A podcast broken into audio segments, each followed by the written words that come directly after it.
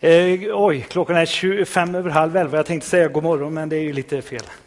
Välkomna hit! Jättekul att jag fick eh, predika på er högtidssöndag när alla församlingar kommer samman från Grästorp, Källby, Örslösa och Kållandsö.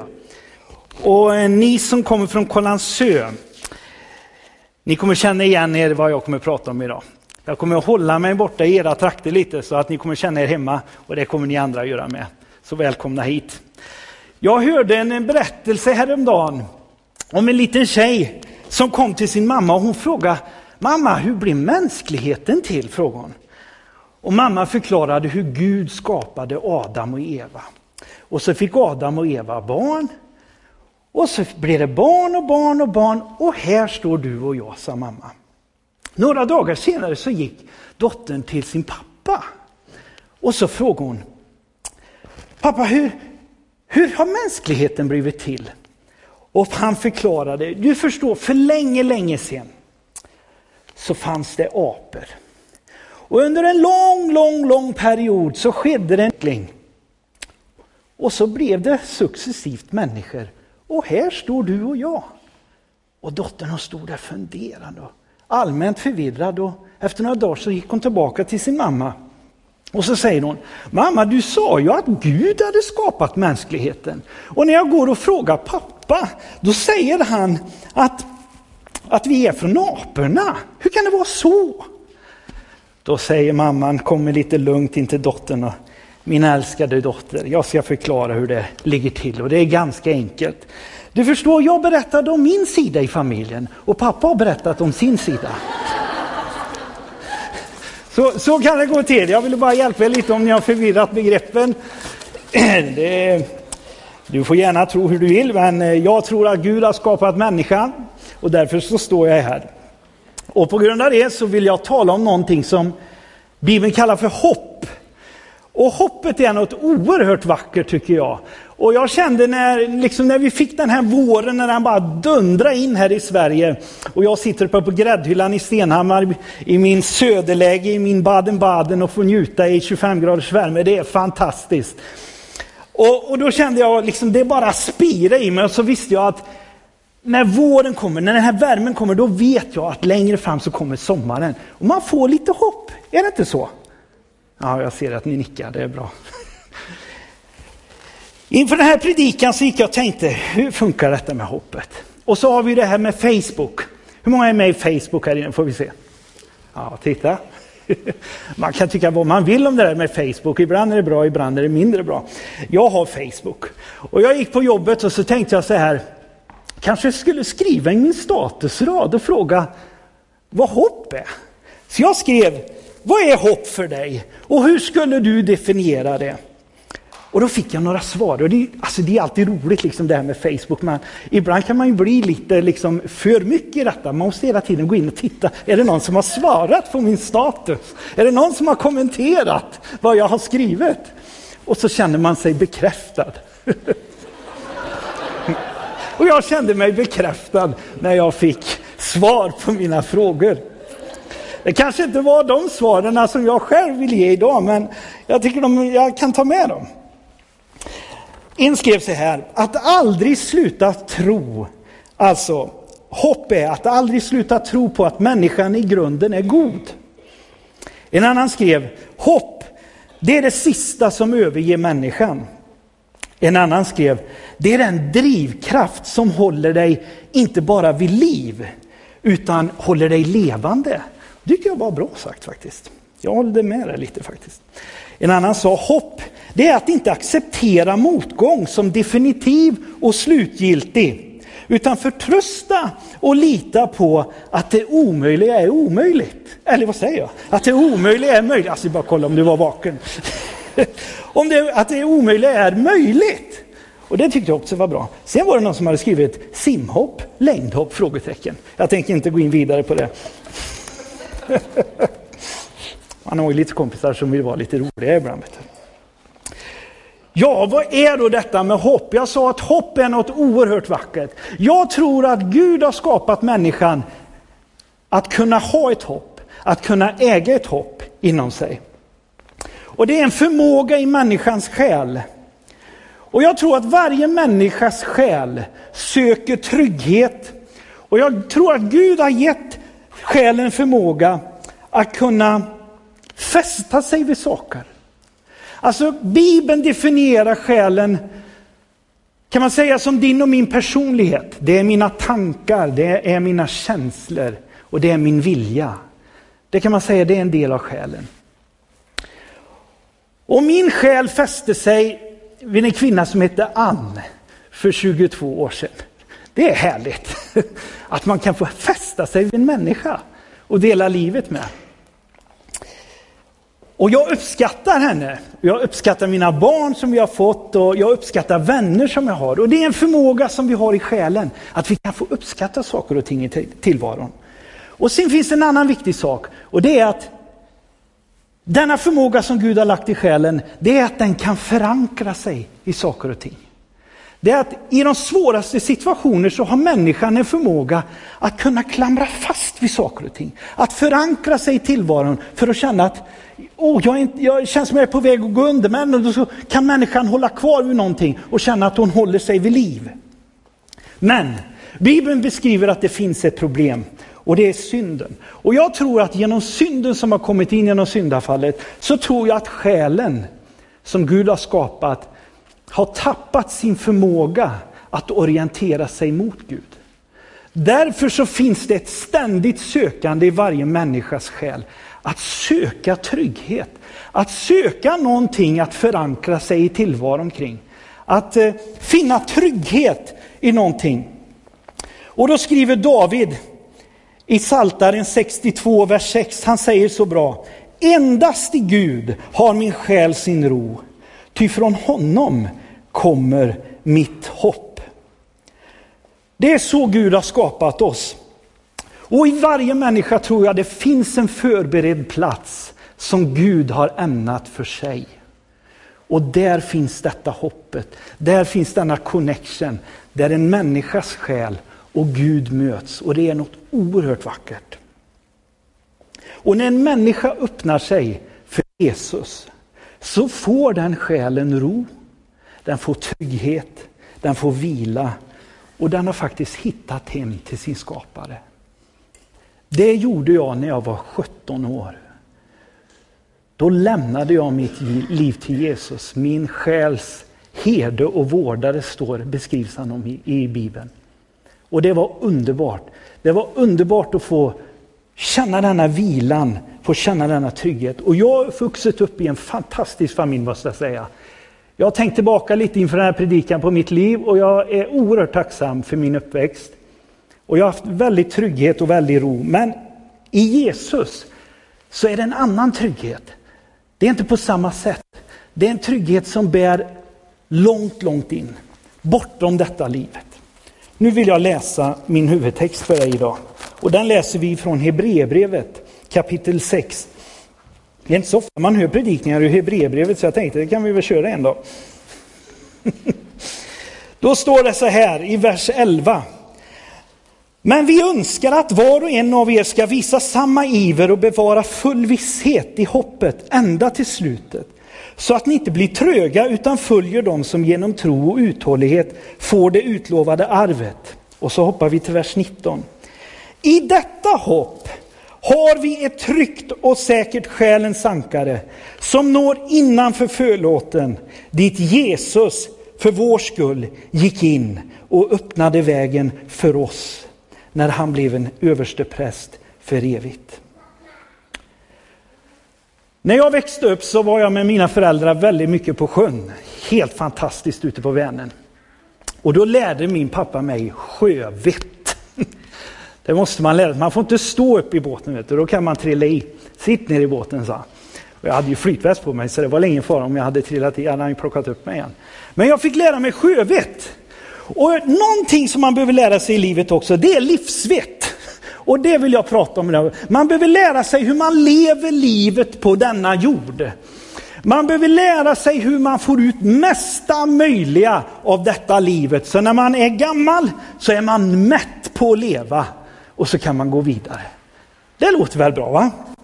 Och därför så har jag en trenyckelspredikan idag. Och mina punkter är nummer ett, att ankra upp. Nummer två, ankring förbjuden. Nummer tre, ankring i en himmelsk skärgård. Men vad är det för punkter tänker du?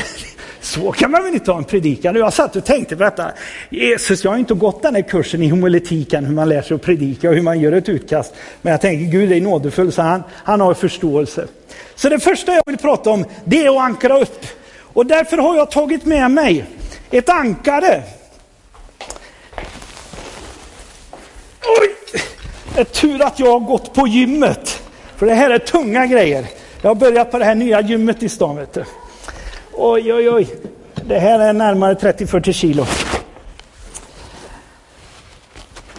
Vi läste att i detta hopp har vi ett tryggt och säkert själens ankare som når innanför förlåten.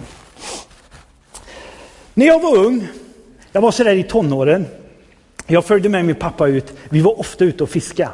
Och han är grym på att fiska min pappa. Jag tror nästan det är väldigt få gånger vi har varit ute och fiskat och inte fått fisk. Och när man ska ut och fiska, vi höll oss inte i skärgården. Vet du. du ska ut på den stora sjön, liksom. bortanför Lemons fyr, bortanför Påls fyr. Där ute går de stora borrarna. Där ute simmar laxarna, där ute var vi. Och då lärde han mig, när det gick lite sjö så här, så skulle vi slänga i ankaret då. Och jag hyste i ankaret och så skulle jag knyta upp. Och då var det ju det bara att jag hade slängt i ankaret och så stod linan, tampen rakt ner så här ifrån båten. Och då säger pappa till mig. Du Magnus, du kan inte ankra stupankare vet du. Det går inte. Vadå stupankare tänkte jag. Ja men det går inte vet du, nu går det hög sjö. Och om hankaret hamnar så här på botten så finns det inte en chans att det ska hålla båten still. Utan förmodligen så kommer hankaret i takt med att båten höjer sig studsa på botten. Och nu när vi har spanat in ekolodet här, det är fullt med abborre, kommer vi missa det med 50 meter och så får vi ingen fisk. Och det var det första, inte stupankare. Och det fanns en annan fara med stupankare. Det var att när det går väldigt hög sjö där ute, det kan gå höga vågor där ute, då är det så här att om du ankrar upp med stupankare och av någon konstig anledning så råkar ankaret sätta sig i någon bergskrev eller någon, under, under någon sten. Och du har förtöjt och det är liksom tajt där. Då kan inte liksom båten följa med vågorna upp och glida på dem så här. Utan i värsta fall så går vågen rakt över båten och du blir väldigt blöt. Och är du då ute på våren och fiskar när det är 5-6 grader i vattnet, då är det inte så skönt att ramla i där. Och det är, i värsta fall så blir det riktigt, riktigt lilla. Så tänker jag lite när det gäller vårt själs ankare. Om du och jag ankrar upp i saker och ting som är liksom jordiska, som i sig själv egentligen har ingen säkerhet, utan de är tillfälliga. De är bara för en tid.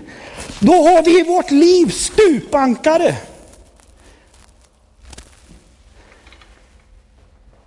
Och i livet så är det så här att vi alla drabbas av livets stormar på olika sätt.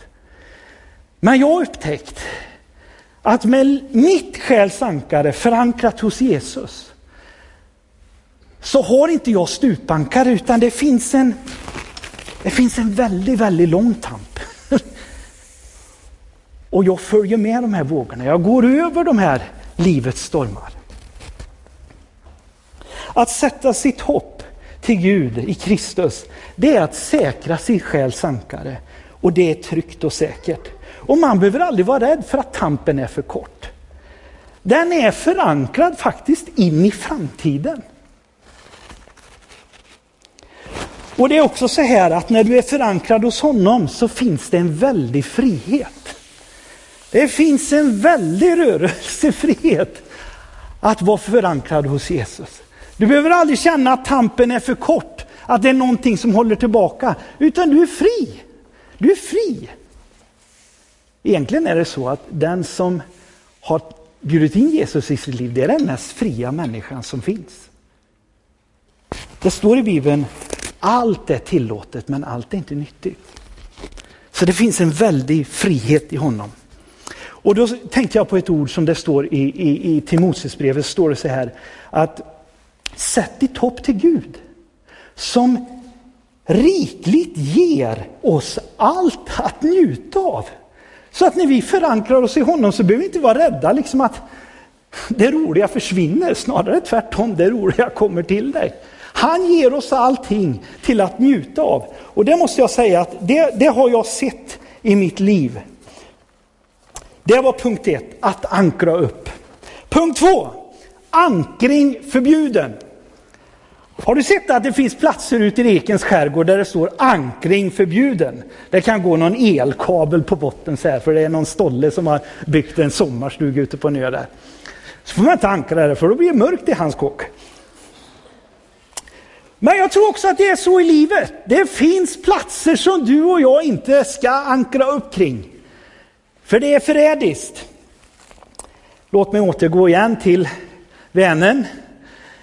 Nu hade jag fått ta med båten själv ut den här gången.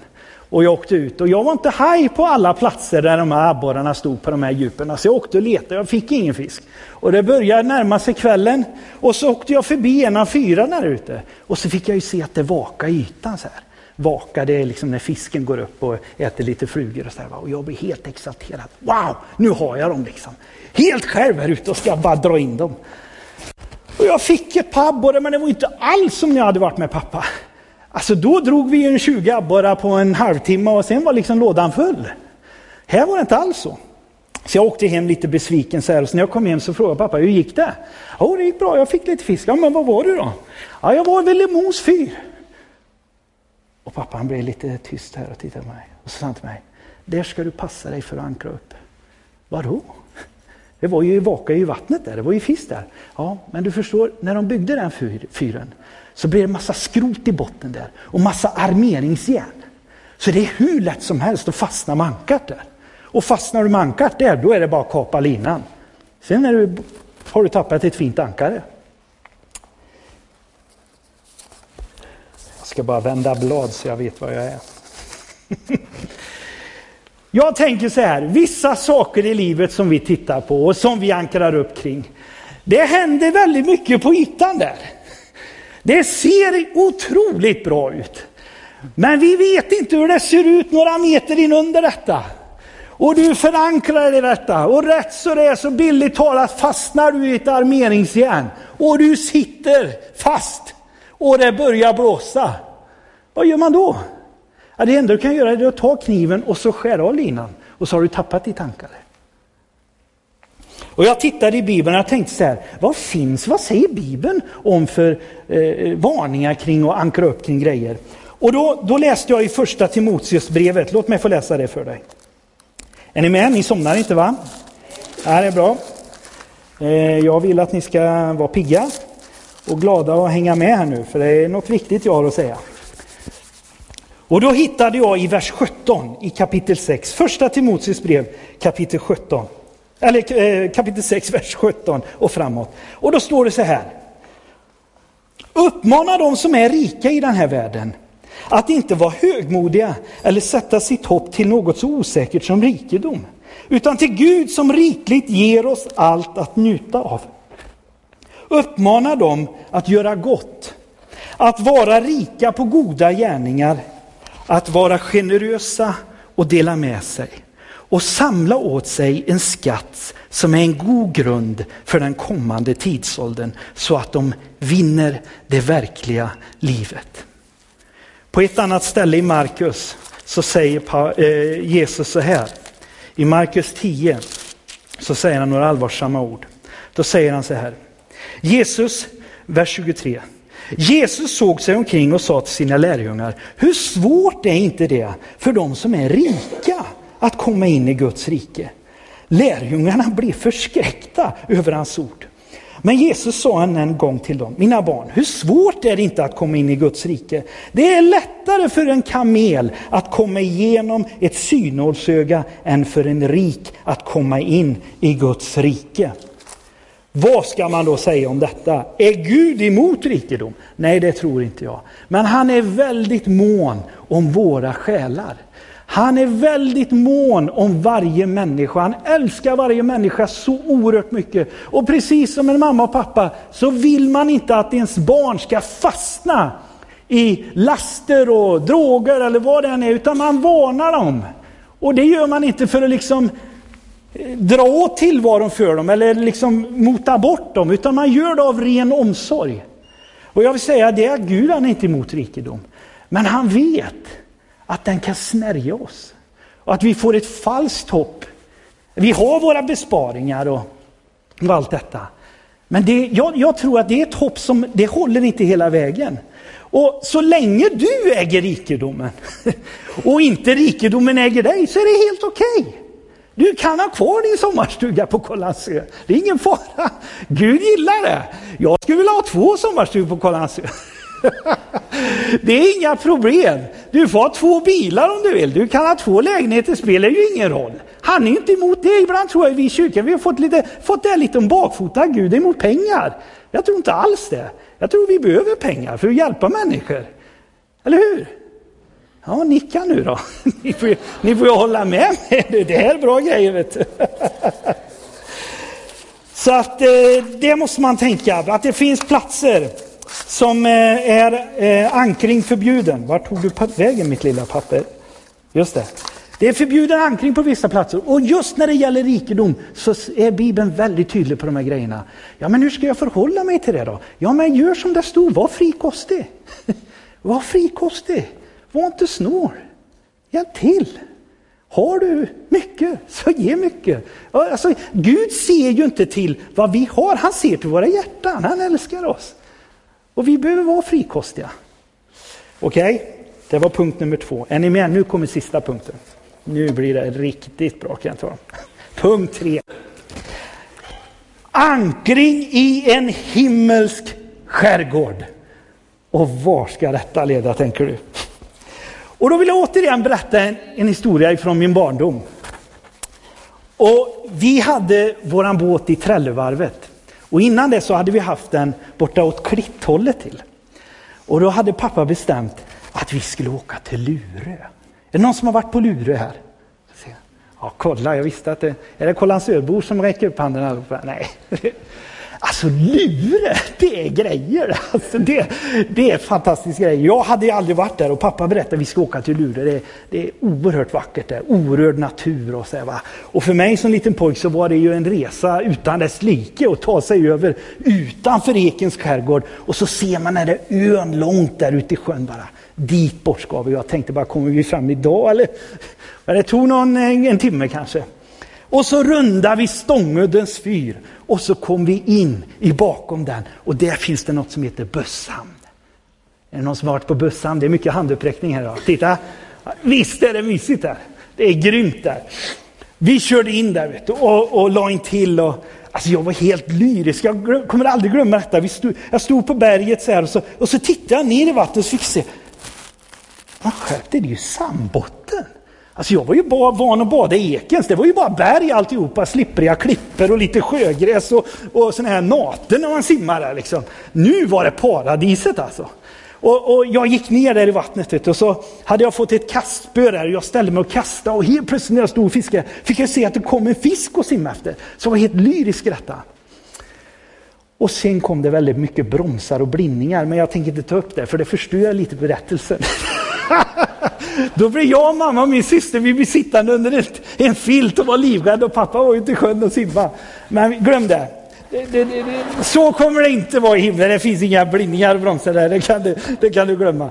Men alltså, den upplevelsen gjorde att när vi senare sen åkte ut i skärgården, vi var på Klitt och det här var, det var ju otroligt vackert där. Det var liksom släta klippor och härligt. Men jag kunde ju aldrig glömma Lure. Lure, det var ju liksom bara ah, yes! Och jag liksom kände bara, när ska vi åka till Lure? När ska vi åka till Lure? Och jag fick reda på att ja, det måste vara bra vindförhållanden, vet du, bra förutsättningar för att kunna åka dit. Och jag längtar till Lure. Vet du. Längtar ni till Lure, ni som har båt i sommar? Ja. Oh. Jag skulle vara sån här promoter för Lure turistförening. Fatta vad bra jag skulle promota dem. Eh, I alla fall, tiden gick.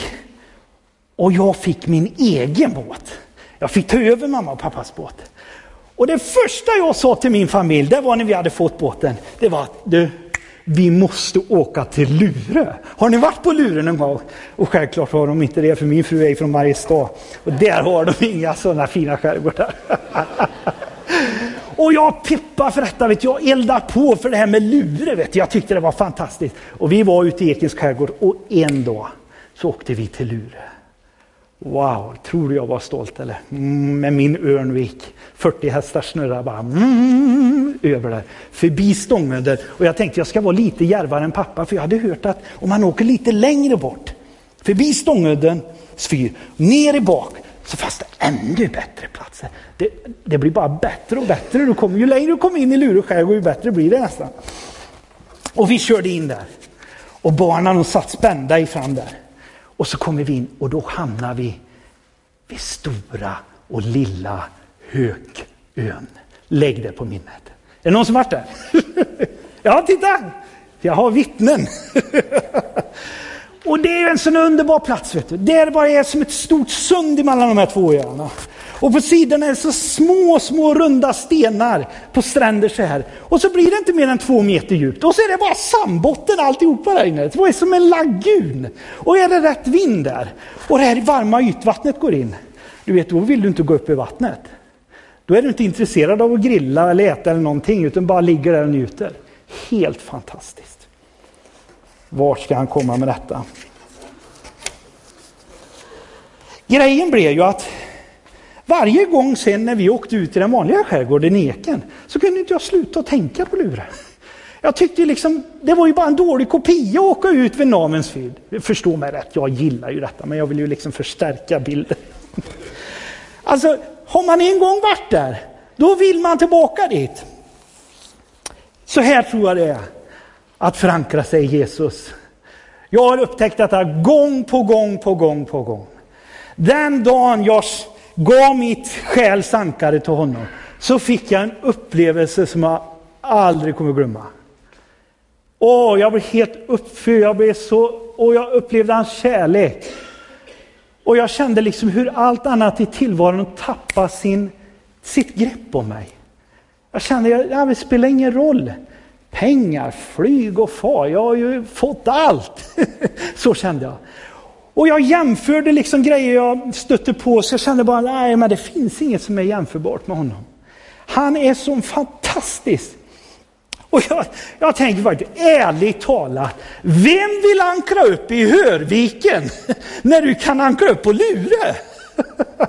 Va? Vem vill lägga till i Kinneviken när du kan dra till Lure?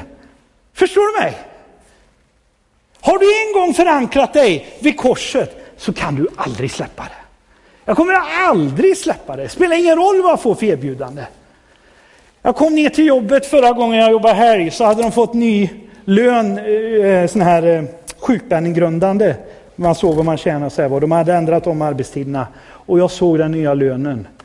Och så kom det tankar bara, Magnus, sluta läs. Varför du håller på och kämpar med det här? Gå in och jobba nu igen och så lyft lite lön och så ta det lugnt. Men jag kände det var någon disharmoni i det där. För det, det liksom finns något med det där som drar mig. Och det är därför jag går den här utbildningen, för jag gillar ju att prata till folk så här lite och uppmuntra. Ja. Så jag, jag, jag, kände, nej, nej, nej, jag måste gå vidare, jag måste göra det här. Och ärligt talat, och sen finns det någonting jag har fått lära mig som heter Pingstviken där ute. Är det någon som vet vad det är? Pingstviken. Det fick jag lära mig. Det kallas då för det är så mycket pingstvänner som lägger till det. Jag ska inte tala om vad den är. Nu kommer ni undra, vad är det för ställe? Men Pingstviken, vet du, den är fin, men det finns något finare längre ut. Och vem vill lägga till på Örnholmarna? Där du kan gå vidare, bort till Lure. Vem vill ankra upp kring rikedom? Vem vill ankra upp kring materiella ting när du kan gå vidare? När du kan ankra dig in i framtiden? När du kan säkra upp hela ditt liv kring Jesus? Inte jag i alla fall. Det sista jag vill säga, det är att en båt har oftast bara ett ankare. När jag åker ut så har jag bara ett ankare. Så tror jag det är med din och min själ med. Den har bara ett ankare. Du kan inte hålla på att ankra upp dig på massa olika platser. Det finns en plats som ditt ankare passar jättebra. Och det skulle jag vilja att du tänkte över. Var har jag mitt ankare? Vart har jag satt mitt ankare? Du kanske har varit med i kyrkan i jättemånga år. Och du har ankrat upp kring saker som liksom bara ligger och gnor och gnager i ditt hjärta. Dra upp ankaret därifrån och så fira det dit det ska. Gå till korset med det. Gå till Jesus med det. Så kommer han som det står innanför förlåten sätta in det i det himmelska. Jag har skrivit så här. Med hoppet och tron på Jesus är vi kopplade och säkrade in i framtiden. Ge ditt själs ankare till honom så har du ett hopp som aldrig lämnar dig oavsett livets stormar. Det var ju en som hade skrivit det på Facebook. Att hoppet det är det sista som lämnar människan. Så tror inte jag. Mitt hopp i Jesus Kristus kommer aldrig lämna mig. Det hoppet är evigt, står det. Tron, hoppet och kärleken är eviga. Och störst av dem så är kärleken. Det finns ett evigt hopp, det finns ett hopp som aldrig lämnar människan. Därför så behöver vi lära oss livsvett. Förankra ditt liv hos Gud. Ska vi be.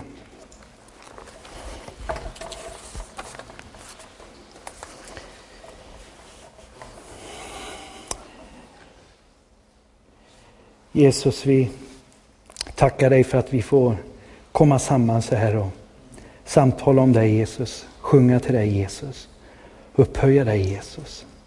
Första maj, Herre, en sån här vacker vårdag. Det är så fantastiskt här hur man kan se på naturen och förstå att det finns en skapare bakom det. Herre, när man kommer ut på de här platserna ute i Vänern så förstår man att det inte är en slump, Herre. Utan det finns en tanke bakom det. Du finns i bakom det. Du, himmelen och jordens skapare. Och tack att du älskar oss så oerhört mycket, Herre. Tack för allt härligt jag har fått uppleva tillsammans med dig, Herre. Och jag ber för var och en här inne idag, Herre, att var och en ska få ha sitt själs ankare satt hos dig, Jesus. Och få uppleva din kärlek, din nåd, din barmhärtighet. Du som reser oss upp när vi faller. Du som tröstar oss när vi gör fel, Herre. För i oss själva så är vi inte perfekta. Det finns inga perfekta människor, Herre. Men du är perfekt, Jesus. Och du tog våran plats på korset så att vi kunde få bli perfekta i dig. Därför så kommer vi till dig nu, Jesus. Och vill säga, vi, vi älskar dig Jesus. Du är fantastisk. Du är levande och du är verklig. I Jesu namn jag ber. Amen.